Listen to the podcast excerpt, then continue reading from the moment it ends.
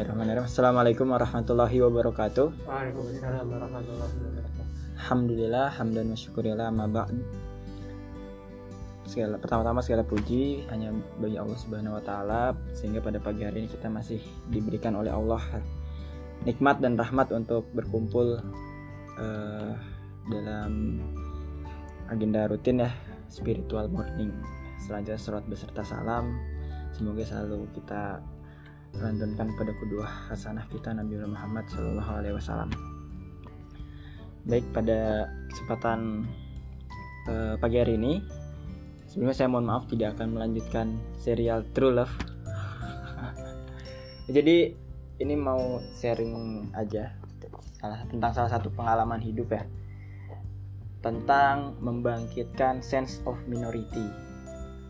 Eh, sebelumnya eh jadi dulu saya tuh suka berpikir ketika eh, membaca kisah-kisah pahlawan ya pahlawan nasional ataupun pahlawan kemerdekaan. Kenapa sih pahlawan-pahlawan itu seringnya diasingkan oleh Belanda itu ke wilayah Indonesia Indonesia Timur? Misalnya ke Manado ke Makassar Ambon eh, Banda Digul dan sebagainya nah ternyata setelah eh, saya coba gali-gali lagi dan cari-cari informasi lagi salah satu tujuannya pahlawan-pahlawan tersebut diasingkan ke wilayah Indonesia Timur adalah selain karena wilayah tersebut cukup kooperatif dengan pemerintah Belanda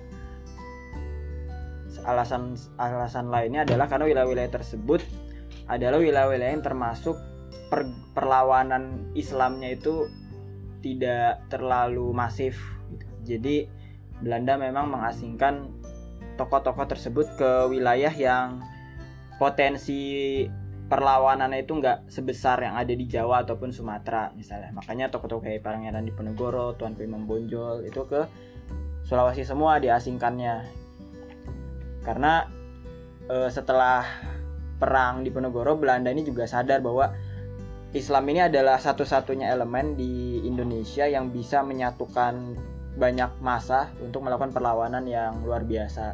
Jadi Belanda tuh sadar dan akhirnya diasingkan ke wilayah-wilayah yang Islam itu nggak terlalu melawan-melawan banget lah, kurang lebih kayak gitu. Nah tapi ternyata menariknya pahlawan-pahlawan tersebut ketika mereka diasingkan ke lingkungan yang bisa dibilang eh, Islamnya sedikit ataupun mungkin perlawanannya kecil, malah pahlawan-pahlawan tersebut tuh sanggup untuk membuat sebuah inovasi sendiri. Bukan inovasi perlawanan tapi mereka berhasil membuat karya mereka sendiri gitu. Misalnya kayak eh, Pangeran Diponegoro di di Manado berhasil menulis Babat Diponegoro salah satu autobiografi beliau. Terus juga Tuanku Imam Bonjol dan Kiai Mojo diasingkan ke Sulawesi mereka berhasil membuat komunitas kampung Islam sendiri yang masih eksis sampai sekarang gitu. Jadi walaupun mereka karyanya bukan karya untuk melawan Belanda lagi tapi mereka bisa berhasil membuat karya versi mereka sendiri tetap bisa berdakwah lah istilahnya kurang lebih kayak gitu. Nah balik lagi ke pengalaman saya. Jadi eh, dulu waktu umur 11 menjelang 12 bukan diasingkan ya sebenarnya tapi dulu kan saya pernah ya pin, eh, pindah gitu ya ikut orang tua. Eh, pindah akhirnya waktu umur 11 men- menuju 12 tuh pindah ke dari Bogor ke Manado. Dulu waktu awal-awal ada rencana mau pindah itu saya sempat uring-uringan sebenarnya sempat ngambek gitulah sebenarnya. Kenapa sih harus pindah ke daerah segala jauh jauh juga gitu kan. Padahal waktu itu saya kayak udah kayak punya milestone pendidikan sendiri gitu. Habis SD ini mau masuk SMP sini mau masuk SMA ini dan sebagainya. Eh tapi ternyata tapi ternyata harus pindah. Pindahnya jauh lagi ya beda pulau gitu. Harus ke daerah dan sebagainya. Jadi sempet kesel lah awal-awal. Nah tapi ternyata seiring berjalannya waktu saya menemukan hikmah tersendiri nih ketika saya pindah bertahun-tahun setelah saya di Manado saya mendapatkan salah satu hikmah berupa pengalaman hidup berada di komunitas masyarakat di mana saya menjadi minoritas dalam beragama, di mana Islam menjadi minoritas dan di situ saya membangkitkan sense of minority. Jadi saya eh, di Manado itu kan Islamnya sedikit ya, bisa dibilang kalau persentase ya 30 banding 70 lah kurang lebih kayak gitu. Jadi eh, di komplek saya tinggal juga sangat sedikit gitu Islamnya. Eh, kiri kanan depan belakang kalau di rumah saya waktu itu non muslim jadi eh, itu hal yang menarik juga. Nah saya ingat waktu saking jauhnya gitu ya nilai-nilai Islam di tempat saya tinggal dan di sekolah juga saya pernah waktu SMA itu eh, ikut lomba di Bekasi. Jadi pas di salah satu jalan itu di Bekasi di separator jalannya itu di tiap beberapa puluh meter itu ada kayak al asmaul husna gitu. Waktu itu saya mes banget wih keren banget nih. Di jalan secara terang-terangan ada asmaul husna ya mungkin orang-orang di sana biasa aja. Dan mungkin bagi muslim-muslim lainnya ya biasa aja ada asmaul husna di jalan. Tapi waktu itu saya dengan posisi sebagai orang yang udah beberapa tahun tinggal di lingkungan yang mayoritasnya non muslim saya cukup mes aja pada saat itu ah, ternyata bisa semasif ini Islam. Kalau di kota saya kapan ya bisa kayak gini? Gitu. Bahkan untuk membayangkan kepala daerah yang muslim aja kayaknya sulit pada saat itu. Dan sampai sekarang juga gitu.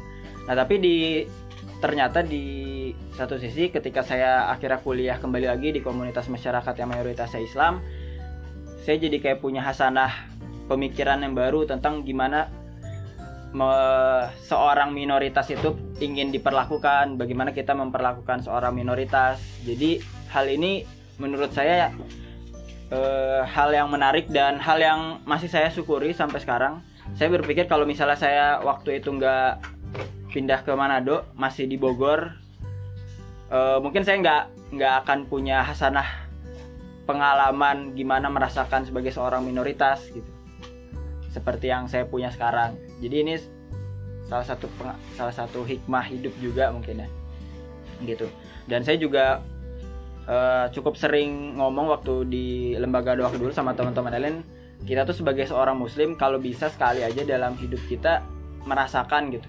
Gimana tinggal di sebuah komunitas masyarakat yang kita sebagai minoritas dalam beragama. Kenapa? Karena eh seringnya kita sebagai seorang manusia itu bisa menghargai sesuatu justru ketika hal tersebut tuh berkurang ataupun hilang. Jadi misalnya kita punya duit nih, kita ju- justru menghargai duit tersebut pas kita misalnya lagi kere atau misalnya nggak ada duit sama sekali. Dan itu juga yang eh, bisa dirasakan dalam konteks beragama. Gitu. Ya mungkin itu eh, yang bisa saya bagikan ya. Eh, mungkin eh, kalau misalnya ada hikmah yang bisa diambil ya alhamdulillah sedikit berbagi aja tentang gimana kita memba- membangkitkan sense of minority memproyeksikan diri kita sebagai seorang minoritas supaya ketika kita ada di posisi mayoritas kita nggak berlaku semena-mena lah terhadap teman-teman kita yang eh, minoritas. Nah salah satu hikmah lain juga yang saya eh, dapatkan adalah saya bisa be- berpikir lebih plural dalam konteks beragama bukan plural, plural yang dalam artian mem- memandang semua agama baik semua agama benar tapi dalam artian ya semua aga setiap orang beragama itu mereka berhak dan akan memandang agama mereka benar jadi ya kita kita tetap fokus di agama kita aja mereka tetap fokus di agama mereka karena tiap orang ya sangat wajar untuk memandang agamanya itu benar. Oke, paling itu. Terima kasih. Assalamualaikum warahmatullahi wabarakatuh.